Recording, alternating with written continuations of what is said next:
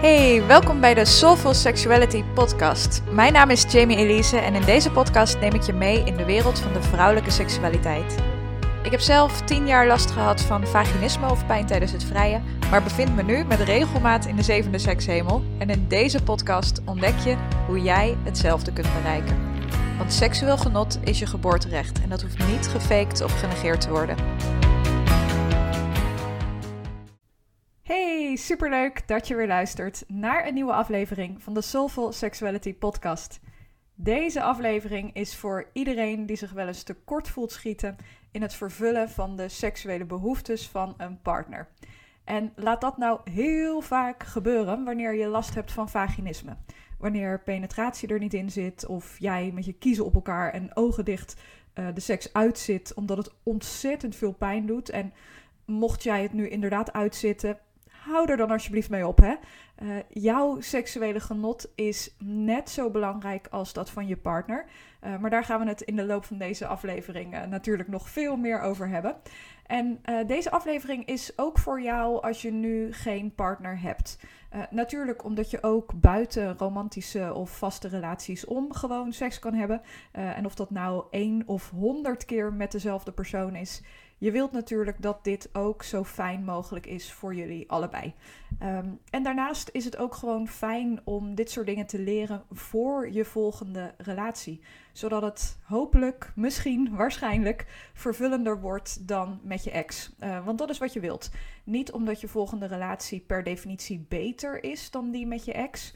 Uh, maar ik geloof wel dat je nergens zo van groeit dan van een verbroken relatie of een gebroken hart. Uh, er is niets wat je dichter bij jezelf brengt en waar je jezelf beter door leert kennen dan dit. Uh, en dat maakt dat je voor je volgende relatie, als het goed is, beter weet wat je wilt. zodat je iets kan creëren met iemand die beter bij jou past op de vlakken die voor jou belangrijk zijn. En ja, ik ben persoonlijk ook echt helemaal klaar met het idee dat vrijgezel zijn uh, in onze maatschappij als een soort wachtkamer wordt gezien. Waar je in zit voordat je leven echt kan beginnen. Uh, ik was laatst op een, uh, op een familiefeestje. En dan kan je natuurlijk wachten op de felbegeerde vraag hoe het in de liefde gaat. En denk ook maar niet dat iemand het belangrijker vindt hoe het met mijn bedrijf gaat. Of hoe het nu echt met mij gaat. Of dat ik nog reizen op de planning heb. Nee, iedereen wil weten of ik nou al een keer een vriend heb. En een van mijn ooms die zei zelfs lachend dat hij me altijd nog op kon geven voor lang leven de liefde. Uh, nou heb ik dat programma nooit gezien, maar ik vermoed dat ik liever een vork in mijn oog steek dan dat ik daaraan meedoe. En echt love mijn familie hoor, maar dit is zo'n conditionering vanuit de maatschappij. Uh, vrijgezel zijn plaatst je niet in een wachtkamer. Het is een levenservaring, een, een levensfase, een periode in je leven. Net als het hebben van een relatie of het verbreken daarvan. Uh, dat is ook een levensfase. Eentje waarin je de boel afbreekt uh, of soms uh, helemaal in elkaar stort. Hè? en vervolgens weer gaat opbouwen. En zelf zie ik geen hiërarchie in deze verschillende levensfases. Ze brengen allemaal ontzettend mooie dingen met zich mee, maar natuurlijk ook uitdagingen. En natuurlijk mis ik soms de support van een partner en natuurlijk mis ik het soms om samen wakker te worden. Uh, maar er zijn ook dingen waar ik nu van geniet, die ik ga missen als ik straks geen vrijgezel meer ben. En uh, ja, ik vind het ook heel grappig dat de vraag hoe het in de liefde gaat, uh, alleen gesteld wordt als je dus geen relatie hebt. Alsof het niemand wat kan schelen of je wel in een vervullende, fijne en gezonde relatie zit. Zolang je maar met iemand samen bent. En ja, die overtuiging had wat mij betreft echt in 1999 kunnen blijven. Romantische liefde is fantastisch. Platonische liefde is fantastisch. En de liefde die je voor jezelf voelt, die is het allerbelangrijkst en meer dan fantastisch. En um, als het goed is, heb je een partner die deze liefde voor jezelf vergroot en ondersteunt. Geen partner die dit teniet doet of je hier verder van vandaan brengt. Uh, en hier kan je ook niet kritisch genoeg voor zijn. Uh, de perfecte persoon bestaat natuurlijk niet, maar de perfecte persoon voor jou, voor nu, bestaat wel. En uh, je kan niet weten wie dat voor jou is of zou kunnen zijn als je jezelf niet kent. Als die relatie met jezelf niet meer dan fantastisch is. Um, als je niet met jezelf afspreekt dat je geen mensen meer in je leven toelaat uh, die je leven niet mooier maken dan het al is. Of zoals Kim Cattrall zegt, ik weet eigenlijk niet of ik haar achternaam goed uitspreek, die van uh, Sex in the City. Of misschien verraadt dit nu hoe oud ik al ben. Nou, anyhow, uh, zoals Kim Cattrall zegt, ik wil nog geen uur in een situatie zitten waar ik geen plezier uithaal. En als het dan op seks aankomt, is een uur natuurlijk al veel te lang. Tijdens de seks wil je waarschijnlijk dat je partner het fijn heeft. Uh, waarschijnlijk wil je de behoeftes van je partner vervullen. Uh, misschien is dit ook je allergrootste zorg nu je vaginisme hebt. Want is hij wel echt gelukkig met de huidige situatie? Uh, gaat hij het echt niet buiten de deur zoeken? En echt, I love you. Uh, het is zo lief dat we dit doen. Zo ontzettend schattig. Het, is zo, het zegt zoveel over hoe groot jouw hart is. Dat je je zo druk maakt om die ander. Maar wanneer was de laatste keer dat je je afvroeg of jouw behoeftes wel vervuld werden? Of sta je daar niet bij stil nu je vaginisme hebt? Hou je vast aan het patriarchale idee dat jij helemaal nergens recht op hebt omdat er geen piemel in kan? Uh, nou, die overtuiging had niet in 1999, maar in 1699 kunnen blijven. Uh, jouw genot is net zo belangrijk als dat van je partner. Maar jouw genot is ook echt jouw enige verantwoordelijkheid. Je partner is daar niet verantwoordelijk voor. En jij bent niet verantwoordelijk voor het genot van je partner. Uh, en seks is dus een van die gebieden in je relatie waarin je bij elkaar past of niet. Um, en als we op school allemaal hadden leren communiceren, dan hadden we geweten dat dit iets is uh, waar je het over hebt in de datefase van een relatie. Je wilt iemand voor wie seks ongeveer even belangrijk is in een relatie als voor jou. Uh, wat dus niet betekent dat je altijd allebei evenveel zin in seks hebt. Hè? Uh, iedereen gaat in zijn seksleven wel eens door een winterfase heen. En dat is echt oké. Uh, maar als seks belangrijk voor je is, dan doe je op een gegeven moment moeite om daaruit te komen. Uh, ik vind het heel grappig hoe we soms nog wel eens verwachten dat dat vanzelf gebeurt. Dat we vanzelf ineens uh, seksuele extase gaan ervaren, wat dat ook maar betekent voor jou. maar verwachten dat het vanzelf gebeurt, is als wachten tot het ijs gaat smelten, terwijl jij de temperatuur onder het vriespunt houdt. Um, en seks niet zo belangrijk vinden, dat is natuurlijk geen automatisch gevolg van vaginisme. Hè? Uh, ik zei dit twee jaar geleden in de eerste aflevering al. En ik zal het blijven zeggen tot ik tussen zes plankjes lig. Seks is meer dan penetratie.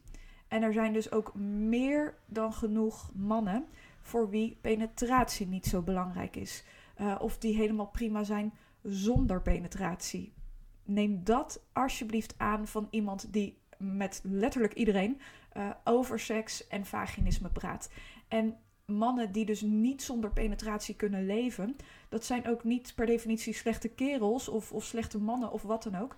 Maar die passen misschien op seksueel vlak niet zo goed bij jou uh, als je vaginisme hebt. En dat is helemaal oké. Je kan er dan uh, ook nog achter komen dat het hele seksstukje voor jullie niet zo belangrijk is. Dat de rest van de connectie, de verbinding, de relatie zo mooi is. Uh, dat je daar allebei oké mee bent. Uh, dat het op dat vlak dus wat minder gaat. Um, goed, je wilt dus iemand voor wie seks ongeveer even belangrijk is in een relatie. En met wie het op seksueel vlak klikt. Wat verder gaat dan de spark uh, en de chemie. Want hate to break it to you. Maar die verdwijnen op een gegeven moment in een lange monogame relatie. Um, tenzij je er flink wat werk in steekt natuurlijk. Het is niet zo dat dat per definitie verdwijnt. Maar ook dit blijft niet vanzelf uh, groeien en bloeien en, en sparken en zo. Um, dus ja, als een vervullend seksleven voor jou echt afhangt van die allereerste chemie en spark en spanning en dat soort dingen, dan ben je misschien meer het type voor een open relatievorm. En dat is ook oké. Ehm, en het, ja, het kan dus ook zo zijn dat je, dat zei ik net al, dat je iemand tegen het lijf loopt met wie je een onwijze emotionele, mentale of spirituele klik hebt, uh, maar het op seksueel vlak allemaal wat minder is. En dan kun je er dus ook echt samen voor kiezen dat dit voor jullie oké is. Uh, het is jouw leven, jouw relatie en jij mag kiezen wat voor jou belangrijk is. Goed, fast forward uh, naar het moment dat je iemand hebt gevonden met wie je tussen de lakens wil duiken of uh, op het aanrecht of zo natuurlijk. Al lijkt dat me persoonlijk echt vet oncomfortabel. Uh, maar ieder zijn ding. Ik denk altijd, ja, niks is zo comfortabel als een bed, volgens mij. Uh, maar goed, ieder zijn ding. Um, jij bent verantwoordelijk voor de vervulling van je eigen seksuele behoeftes. Maar omdat je geen egoïstisch onmens bent, vind je de behoeftes van je partner ook belangrijk. En omdat niemand een glazen bol heeft, is hierover praten echt de enige manier om ervoor te zorgen dat jullie elkaars behoeftes ook kunnen vervullen. Ik hoor van zoveel vrouwen dat ze uh, ook nog eens tijdens de seks proberen te raden of ze de behoeftes van hun partner vervullen en tegelijkertijd hopen dat hun partner aan hun gezicht kan aflezen dat hij met zijn vingers net 5 mm naar links moet, uh, of dat het allemaal iets te snel gaat, uh, of dat hij hopelijk straks nog je nek gaat zoenen of aan je haar trekt, omdat je dat nou eenmaal echt het allerlekkerst vindt. Niemand kan gedachten lezen. Praat erover. Vertel of laat zien wat jij fijn vindt. Jij bent de enige die op kan komen voor jouw genot. Uh, en dit is ook meteen hoe je de verantwoordelijkheid neemt voor je genot. Uh, jij bent het net zo waard om van die seks te genieten als je partner. En daar zorg je voor door specifiek te zijn over wat je lekker vindt. Uh, als je weet dat een specifieke stimulatie of seksuele handeling jou ontzettend veel genot brengt, alsjeblieft, vraag daar dan om. Um, en even belangrijk als vragen om de dingen die jouw genot vergroten, is uh, het aangeven dat je wilt stoppen als je er gewoon niet zo lekker in komt. Uh, of als je je toch niet comfortabel voelt. Of als je getriggerd wordt door iets. Het is op ieder moment oké om te pauzeren of gewoon helemaal te stoppen. Het genot of orgasme van een ander gaat nooit, nooit, nooit boven jouw gevoel van veiligheid en comfort in je eigen lichaam. Maar daar mag je dus wel echt zelf de verantwoordelijkheid voor pakken door je uit te spreken. En dat, uh, ja, dat brengt ons eigenlijk ook uh, bij het punt waarop je dus wel penetratieseks hebt. Uh, of dat nou nu al gebeurt of in de toekomst na je vaginismeherstel. Uh, of helemaal nooit. Dat is natuurlijk ook oké als jij helemaal prima bent met je vaginisme. Al vermoed ik dat je in dat geval niet uh, naar deze podcast zou luisteren.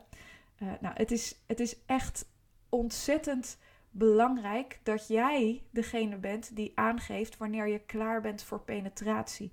dat je vraagt om meer stimulatie voordat je overgaat tot penetratie. of meer glijmiddel of wat jij ook maar nodig hebt om je comfortabel te voelen. En Even een kleine disclaimer: glijmiddel is niet bedoeld uh, om penetratie mogelijk te maken als het nu niet lukt. Glijmiddel is bedoeld om genot te vergroten als het al aanwezig is. Dus ga alsjeblieft niet alsnog die piemel erin proberen te proppen met behulp van glijmiddel als het nu pijn doet en niet lukt. Daar is glijmiddel niet voor bedoeld. Het is niet bedoeld om genot te creëren, het is bedoeld om genot te vergroten. Um, en uh, het is dus echt ontzettend belangrijk dat jij aangeeft wanneer jij daar klaar voor bent. Uh, omdat uh, zeker in een, in een heteronormatieve relatie, maar ook daarbuiten natuurlijk, een vrouwenlichaam, een vagina, heeft gewoon wat langer de tijd nodig voordat het klaar is voor penetratie dan een penis. Een penis kan daarna een paar minuten al ontzettend ready voor zijn, op lichamelijk niveau in ieder geval. emotioneel en, en dergelijke is natuurlijk weer een ander verhaal. Um, maar op lichamelijk niveau heeft een, een vagina daar gemiddeld 20 tot 30 minuten opwinding voor nodig. En dat is gewoon hoe wij biologisch in elkaar zitten. Je hebt er langer de tijd voor nodig. En een van de weinige regels die tijdens de seks gelden, is dat je altijd het tempo van de langzaamste aanhoudt. Anders kan de langzaamste het niet meer bijhouden. En dan is het voor helemaal niemand meer leuk. Ehm, dus als je inderdaad in een heteronormatieve relatie zit, jij degene bent uh, die een vagina heeft, uh, dan geef jij aan uh, wanneer je klaar bent voor penetratie. Um, en je wilt dus ook een partner bij wie het veilig voelt om dit aan te geven. Wat soms betekent dat je zelf uit je comfortzone mag stappen om je uit te spreken. Uh, en soms betekent het ook dat dit misschien een partner is met wie je helemaal geen seks moet willen hebben. Uh, omdat het niet veilig is om je uit te spreken. Omdat je partner je daarna bijvoorbeeld uitlacht of kleineert. Of uh, je onder druk zet om toch over je grenzen heen te gaan. Uh, denk bijvoorbeeld aan een partner die zegt: Ja, maar dan krijg ik blauwe ballen. En dat is zo vervelend. En, en, en nee, echt, je krijgt blauwe ballen als ik erin schop. Niet als ik zeg dat we met de seks gaan stoppen. Goed, en de reden dat ik altijd zo hamer op communicatie is dat ik er persoonlijk ook echt heilig van overtuigd ben dat veel minder vrouwen vaginisme zouden hebben als we van jongs af aan zouden leren hoe ons lichaam werkt. Als we van jongs af aan zouden leren dat het oké is om ons eigen genot voorop te stellen, uh, om grenzen aan te geven en uh, als we zouden leren dat genot en verbinding de twee belangrijkste factoren zijn tijdens de seks. Niet penetratie of een orgasme. En een van de kenmerken van vaginisme is de visueuze vaginismecirkel. Uh, daarbij verwacht je pijn op het moment van penetratie, waardoor je je schrap gaat zetten op het moment van penetratie. En doordat je je schrap zet, span je je spieren aan en dit zorgt ervoor dat het ook daadwerkelijk pijn gaat doen. Dat komt door het aanspannen van je spieren. Dit is die visueuze cirkel.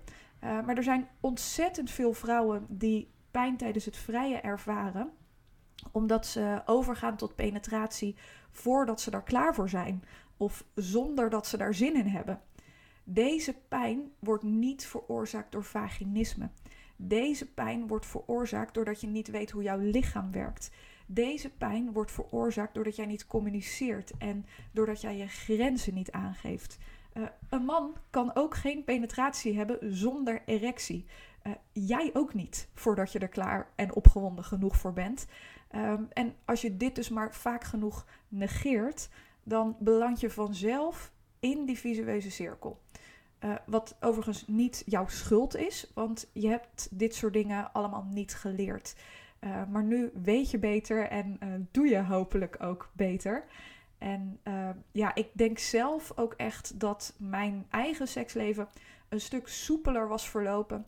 Als ik, of dat ik misschien wel nooit vaginisme had ontwikkeld. Als ik van het begin af aan had geweten hoe mijn lichaam werkt en hoe ik voor mijn eigen genot op had kunnen komen. maar goed, hè, beter, laat, beter laat dan nooit. Ja, we zijn, we zijn al bijna aan het eind van deze aflevering. En misschien vraag je je af uh, of ik je nog ga vertellen hoe je die behoeftes van je partner nou precies vervult. Uh, maar ik hoop eigenlijk dat je dit tussen de regels door gehoord hebt. Want wanneer jij jouw grenzen, verlangens en specifieke aanwijzingen met je partner deelt, is het natuurlijk de bedoeling dat je partner dit ook met jou doet. Uh, zo leer je elkaar gaandeweg steeds beter kennen op seksueel vlak. Uh, en blijf ook altijd bij jezelf inchecken of het vervullen van de verlangens of specifieke aanwijzingen van je partner ook goed voelt voor jou. Dat je partner aangeeft uh, dat hij iets op een bepaalde manier wilt of iets uit wilt proberen, betekent natuurlijk niet dat jij dat ook moet gaan doen. Uh, doe nooit iets waarbij je over je eigen grenzen heen gaat. Want als je dat doet, verbreek je de verbinding met jezelf. Uh, dan verbreek je de verbinding met je eigen lichaam en je eigen genot. En op die manier kunnen de enige twee doelen van seks, uh, genot en verbinding, dus nooit bestaan. Je kan geen verbinding met een ander creëren als je geen verbinding met jezelf voelt. Uh, en je kan ook geen genot ervaren wanneer je over je eigen grenzen heen gaat. Over je grenzen heen gaan is voor jouw systeem, dus voor je onderbewustzijn, voor je lichaam, voor je zenuwstelsel. een hele onveilige situatie, uh, waarin het dus on high alert gaat uh, en waarin jij dus niet kan ontspannen. En als je niet kan ontspannen, kan je ook geen genot ervaren. Nou, en weet je wat nou het mooie is? Als jij je eigen genot voorop zet en je partner dat dus ook doet, omdat jullie twee volwassenen zijn die enkel en alleen zelf verantwoordelijk zijn voor jullie eigen genot, uh, dan betekent dit dus ook dat jullie allebei gaan genieten. En vraag je nu eens af wat je meer opwint tijdens de seks. Een partner die totaal niet geniet uh, en er maar een beetje bij aanwezig is, een soort van half, niet helemaal. Uh, of een partner die ontzettend geniet, helemaal in het moment zit en uh, die genot ervaart door wat jij bij hem doet uh, en uh, wat jullie bij elkaar doen. En ehm, ja, ik, ik weet het voor mezelf wel en ik denk dat jij het ook wel weet. dat is natuurlijk dat laatste. Jouw genot zorgt dus ook voor meer opwinding bij je partner. Het is heel opwindend om te zien dat de ander opgewonden is. En op die manier creëer je dus voor elkaar meer opwinding als je bezig bent met je eigen genot. Als je bezig bent met wat jij lekker vindt, wat jou in het moment brengt en houdt en uh, waar jij van geniet. Uh, zo kom je samen in die fijne seksbubbel en blijf je in die fijne seksbubbel. Ook lang nadat de hormonen van de eerste honeymoon fase zijn, uh, zijn weggeëpt. Dat doe je dus echt door te focussen op je eigen genot, niet op het genot van je partner. Dat genot van je partner is ook belangrijk, maar niet, nooit, never belangrijker dan jouw genot. Nou, dat was uh, een, een, iets kortere aflevering, maar uh, volgens mij wel weer een bomvolle aflevering. Uh, vergeet je via de link in de show notes niet in te schrijven voor de eerstvolgende editie van mijn gratis online masterclass van Pijn naar Pleasure. In deze masterclass vertel ik je precies wat vaginisme is en veroorzaakt. Uh, en ook wat de drie stappen zijn om hier voor eens en altijd vanaf te komen. Uh, je krijgt een uur lang tips en inspiratie van someone who's been there. Uh, gratis en voor niets en ook nog eens anoniem. mooier kan ik het echt niet voor je maken. Dus ja, schrijf je in via de link in de show notes. Um, en ik vind het natuurlijk zoals altijd ook super leuk om van je te horen. Uh, misschien als je wat aan deze aflevering hebt gehad uh, of als je een idee hebt voor een volgende aflevering, let me know. dat gaat het makkelijkst via Instagram, waar je me kunt vinden onder healingpainful.sex. Voor nu nog een hele fijne ochtend, middag of avond en heel graag tot de volgende aflevering.